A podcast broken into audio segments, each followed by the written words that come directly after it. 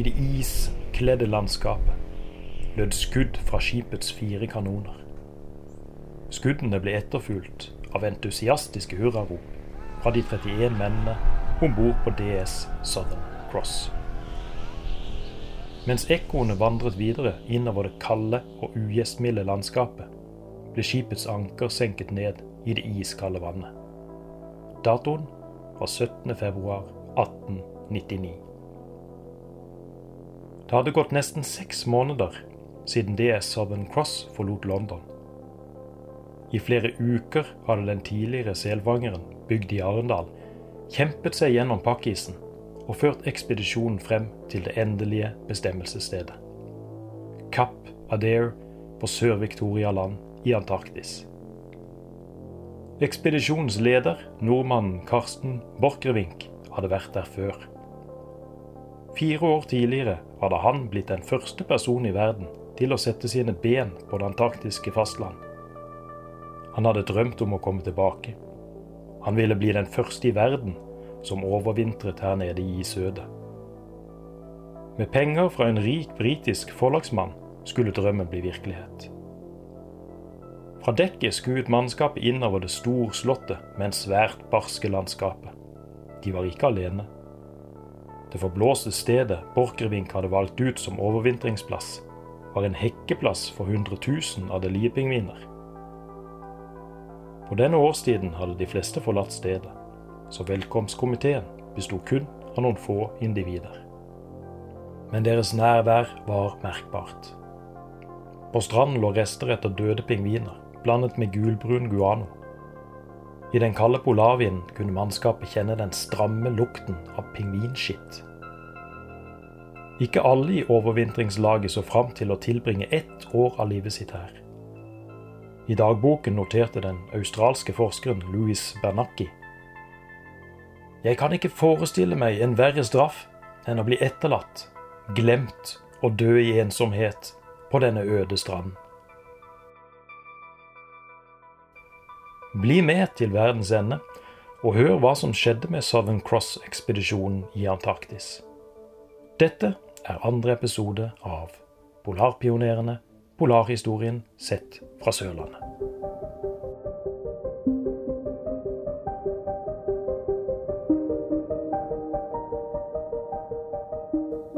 Norge har en lang og stolt historie som polarnasjon. Historiene om Nansen, Amundsen og polarskuta Fram står som bautaer i norsk polarhistorie. Nasjonalheltene som kjempet og slet seg fremover, i en kald og nådeløs natur.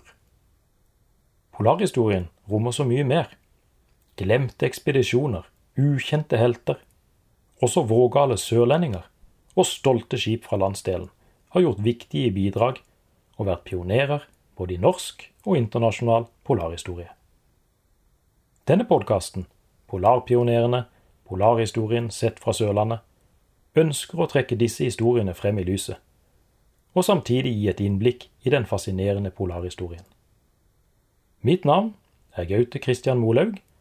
Jeg er historiker og arbeider som arkivar og formidler ved Aust-Agder museum arkiv.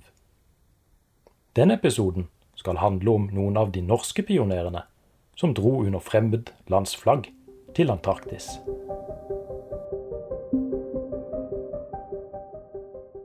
For mange er Antarktis forbundet med kappløpet i 1910-1912 mellom Roald Amundsen og briten Robert Falcon Scott om å bli den første til å nå Sydpolpunktet. Men i tiåret før Amundsen og Scott kjempet om ære og berømmelse på Antarktisplatået, var det andre som åpnet opp polarporten til dette enorme kontinentet. I denne episoden skal du få høre om to av disse pionerekspedisjonene til Antarktis. Felles for dem er at begge seilte med norsk besetning, men under fremmed flagg. Begge ekspedisjonene hadde også innslag fra Sørlandet. I episoden skal du få høre om matros Hans Johan Johnsen fra Tromøya, den første sørlending som satte sine ben på det antarktiske fastland. Du vil også få høre om Ole Peder Dus fra Arendal, som ble lokket med på svenskenes dramatiske antarktiske ekspedisjon på begynnelsen av forrige århundre. Men først skal vi tilbake til der vi startet.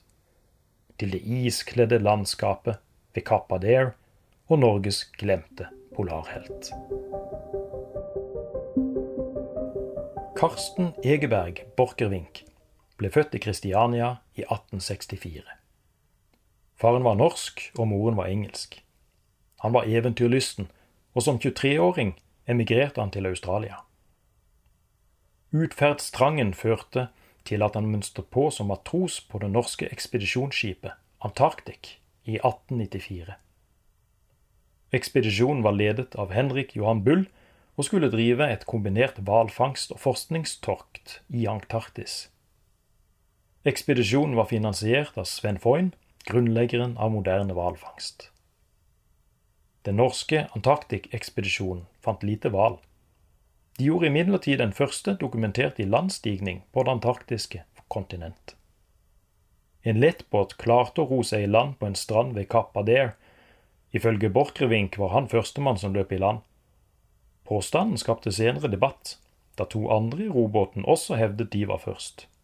Uansett hvem som var først, skulle Borchgrevink returnere til det samme stedet fire år senere. Det første møtet med Antarktis hadde grepet Borchgrevink.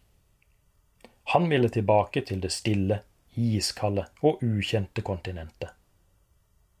Om bord i Antarktik fikk Borchgrevink en spektakulær idé. Han ønsket å gjennomføre en overvintring i Cap Adair. For å gjennomføre planen trengte han penger. Masse penger. De neste årene etter hjemkomsten fra Antarktis brukte han til å planlegge en egen ekspedisjon. I tillegg til å overvintre i Antarktis ønsket han å gjøre vitenskapelige og geografiske undersøkelser. Borchgrevink ønsket å lokalisere det magnetiske sydpolpunktet. Han slet med å få penger i sitt nye hjemland Australia, så han søkte seg til morens fødeland, Storbritannia. Etter å ha blitt avvist av Royal Geographical Society fikk Borchgrevink napp hos den rike britiske forlagsdirektøren sir George Nunes. Nunes ville finansiere hele ekspedisjonen som fikk navnet British Antarctic Expedition. Han trengte bare et sterkt skip. Et skip som kunne føre ekspedisjonen gjennom pakkisen. Og jakten førte ham til Arendal. På midten av 1880-tallet hadde en av Arendals rikeste menn, Aksel Nikolai Herlovsson, startet byggingen av to dampdrevne ishavsskuter. Herlovsen hadde planer om å sette skipene inn i den lukrative selfangsten i Nordishavet. Skipene var oppkalt etter tvillingene Castor og Pollux fra gresk mytologi. Tvillingskipene ble bygd ved Svinodden verft i Arendal. De var tegnet av den kjente skipskonstruktøren Colin Archer. Archer tegnet senere Nansens berømte polarskute Fram i 1891. I 1886 blir Arendal rammet av et stort bankkrakk.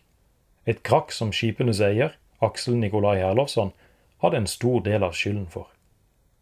Arendalskrakket førte til at Herlovsson og mange andre anelsredere gikk konkurs. Krakket førte også til at Pollux og søsterskipet Castor lenge lå halvferdig i opplag. Først i 1889 ble skipene ferdigstilt og solgt. Kjøperen, skipsrederen O.B. Sørensen fra Tromøya utenfor Arendal, satte begge skipene inn i ishavsfangst i nordområdene. På 1890-tallet ønsket O.B. Sørensen å trekke seg ut av ishavsfangsten. I 1893 ble Castro solgt til fangstselskapet Oceana fra Vestfold. Skipet ble brukt under den berømte kaptein Carl Anton Larsens fangstekspedisjon til Antarktis i 1893-94. I 1898 ble også Pollux solgt. Kjøper var Karsten Borchgrevink. Borchgrevink omtalte det som et uadminnelig sterkt skip. Det var konstruert slik at det ble presset opp hvis isen trykket rundt skroget. Dermed unngikk man at skipet ble knust av isen. Borchgrevink døpte om Pollux til Southern Cross. Han ønsket å kalle ekspedisjonsskipet opp etter det stjernebildet de skulle seile under. Borchgrevinks Antarktisk-ekspedisjon er også kjent som Southern Cross-ekspedisjonen.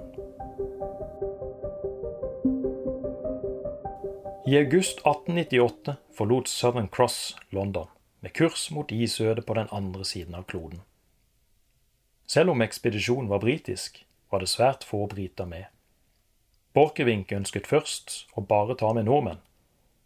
Dette kunne ikke ekspedisjonens investor, sir George News, akseptere. Derfor ble to engelskmenn og en australier med som medlemmer av den vitenskapelige staben.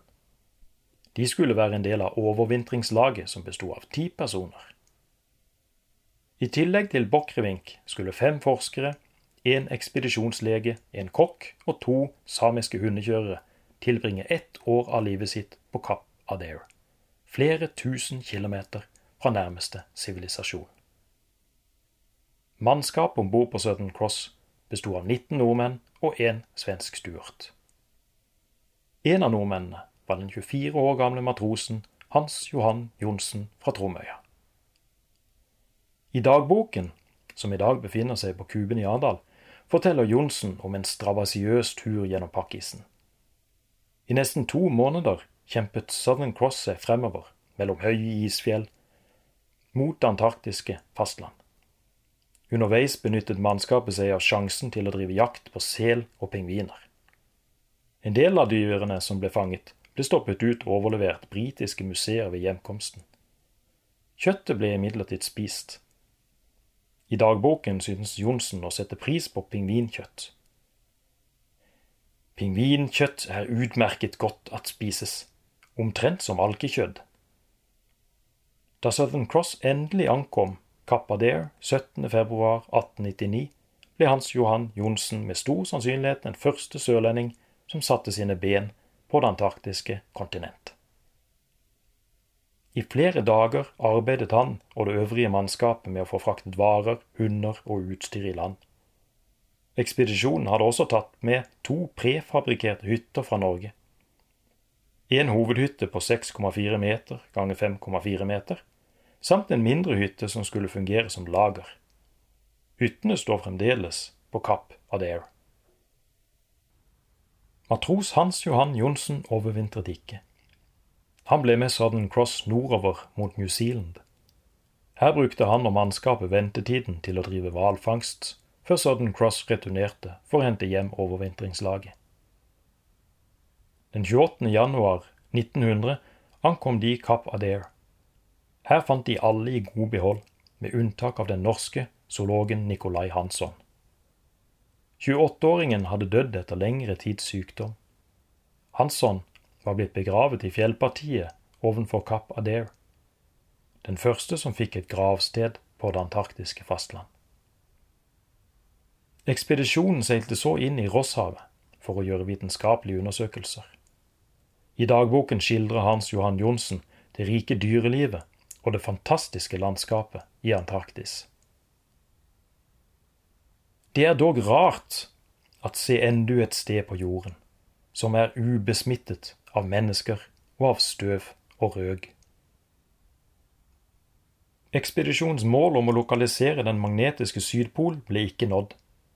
Det var sent i sesongen, så Southern Cross måtte ta turen hjemover for å unngå å bli fanget i isen. Den 28. oktober 1900 ankom Southern Cross Gravesend i Storbritannia. Karsten Borchgrevink fikk lite anerkjennelse for sin ekspedisjon da han returnerte til sivilisasjonen. Og han har kommet helt i skyggen av sine berømte landsmenn Nansen og Amundsen. Dette til tross for at han ledet en stor og viktig ekspedisjon i Antarktis. En ekspedisjon som var den første til å overvintre på det antarktiske fastland en ekspedisjon som var den første som brakte vitenskapen med seg til det enorme kontinentet.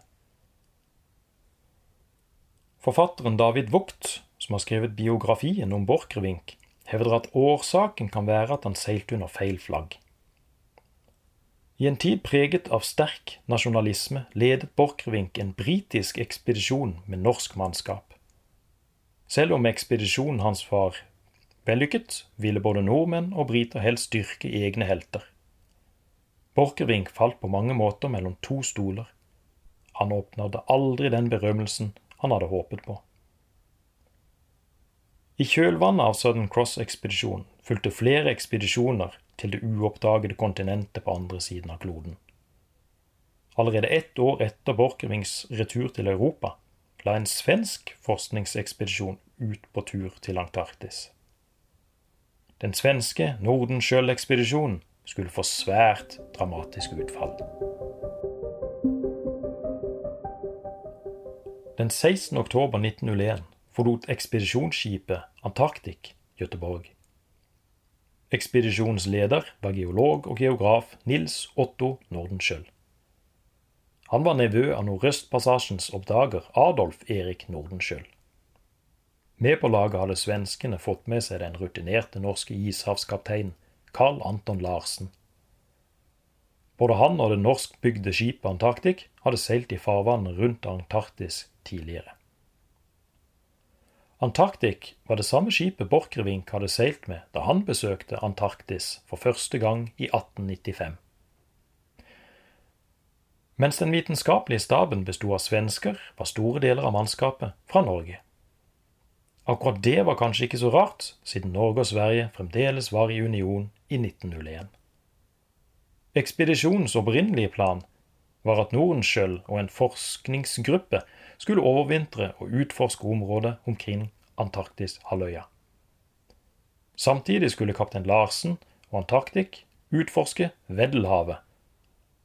Deretter skulle Antarktik hente overvintringslaget, for deretter å rutinere til Sverige våren 1903. Slik gikk det ikke. Naturkreftene skulle endre planene dramatisk.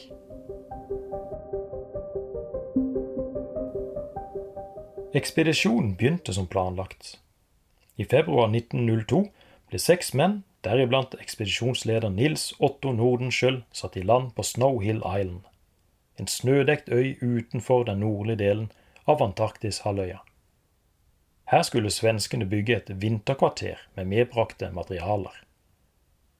Antarktik dro så videre og utforsket øyer i nærheten av Sør-Georgia. Her noterte kaptein Larsen seg en vik han mente ville være perfekt for en fremtidig hvalfangststasjon. Plassen ble døpt Grytviken.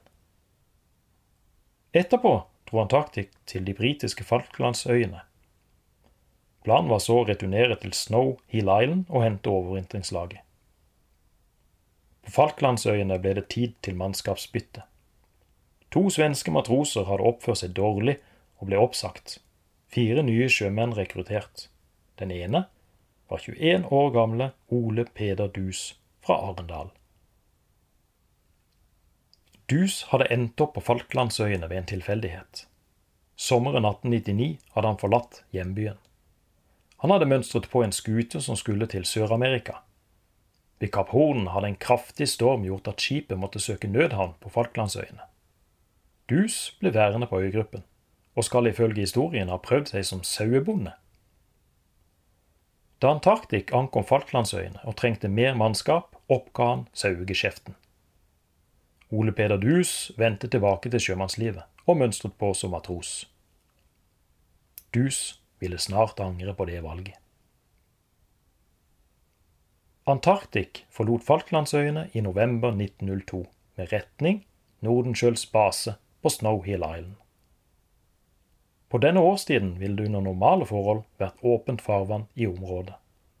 Men i slutten av desember frøs Antarktik fast i isen. Kaptein Larsen innså at det var umulig å nå fram til Nordenskjølds base på Snowhill Island. To svensker og en nordmann ble satt i land på Hope Bay ved inngangen til Antarktissundet. Planen var at disse tre skulle gå til Snowhill Island og hente overvintringslaget. Det skulle vise seg å være umulig. Det var 320 km dit, og trioen måtte lage en primitiv hytte i Hope Bay og overvintre. For mannskapet om bord på Antarktik skulle det gå enda verre. De voldsomme iskreftene tok kommandoen over skipet. Skutekledningen ga etter, kjølen ble ødelagt, og roret brakk. Kaptein Larsen beordret at lettbåter, proviant og nødvendig utstyr ble losset ned på isen. Den 12. februar 1903 måtte Antarktik kapitulere for naturkreftene. Matros Ole Peder Dus fra Arendal sto stille og så på at skipet sank ned i det iskalde dypet. Der og da angret han nok bittert på at han hadde forlatt saueflokken sin på Falklandsøyene. Heldigvis hadde ekspedisjonen en kaptein som hadde vært ute en vinternatt før. Da isen løsnet, klarte mannskapet, som telte 20 mann, å få lettbåtene på vannet. I 14 dager rodde de fra isflak til isflak. Båtene måtte tidvis hakkes løs med øks. Det var et slit uten like. Den 28. februar 1903 nådde de fast grunn. De var kommet til Paulet Island, en gold og nitrist øy. Her bygde de en overvintringshytte av stein, pingvinskitt og med seilduk som tak. De skipbruddene overlevde på sel og pingviner, samt medbrakt proviant. Ekspedisjonen sto nå uten skip. De var fordelt på tre ulike plasser i det enorme kontinentet. Uten mulighet for å kontakte hverandre, uten mulighet for å tilkalle hjelp. Situasjonen var bekmørk. Men miraklenes tid var ikke forbi. Redningen var på vei. I Argentina og Sverige var man bekymret. Begge land utrustet unnsetningsekspedisjoner. Før avreise hadde Antarktik gitt beskjed om hvor ferden skulle gå. Redningsekspedisjonen visste derfor sånn noenlunde hvor de skulle lete. Samtidig hadde Nordenskjøld under en sledetur observert tre kjempepingviner. Pingvinene viste seg å være trioen som hadde overvintret på Hope Bay. Det ble et gledelig gjensyn på stedet som senere ble kalt Cape Well Met. Sammen dro de til basen på Snow Hill Island. To av gruppen var dermed samlet. Nå manglet bare kaptein Larsens overvintringslag på Paulet Island. Kaptein Larsen hadde innsett at Paulet Island ikke var et blivende sted. Sammen med et knippe karer hadde han forlatt Paulet Island i en robåt. De hadde klart å ro til Hope Bay, hvor de ventet å finne trioen. I stedet fant de en tom hytte. Det lå imidlertid en beskjed om at trioen hadde prøvd å ta seg til Norensjøls base. Larsen og mennene satte derfor kursen mot Snow Hill Island. Det skulle vise seg å være en klok beslutning. Den 8. november 1903 fant det argentinske marinefartøyet Uruguay Norensjøls leir på Snow Hill Island. De var reddet. Gleden ble enda større da plutselig Larsen og hans menn dukket opp samme dag. Etter den lykkelige gjenforeningen dro skipet til Polet Island og hentet resten av mannskapet. Ferden gikk så til Buenos Aires i Argentina, der ekspedisjonen ble mottatt som helter. 10. januar 1904 var de endelig tilbake i Sverige. Den svenske Nordenskjøl-ekspedisjonen hadde overlevd mot alle odds. Alle hadde overlevd, med ett unntak. Nordmann Ole K. Vennesgaard døde av en hjertelidelse under oppholdet på Pauletøya. Nordenskjøl-ekspedisjonen blir regnet som en av de mest betydningsfulle ekspedisjonene i svensk polarforskning. Ekspedisjonen oppdaget mange nye steder og gjorde flere viktige vitenskapelige undersøkelser. Til tross for at skipet hans ble knust av ismassene, var kaptein Carl Anton Larsen på langt nær ferdig med Antarktis. Kort tid etter Nordenskjøl-ekspedisjonen var han i gang med et nytt prosjekt. Med argentinsk kapital etablerte han en hvalstasjon i Grytviken på Sør-Georgia. Stedet skulle bli base for et 50 år langt norsk hvalfangsteventyr i Antarktis.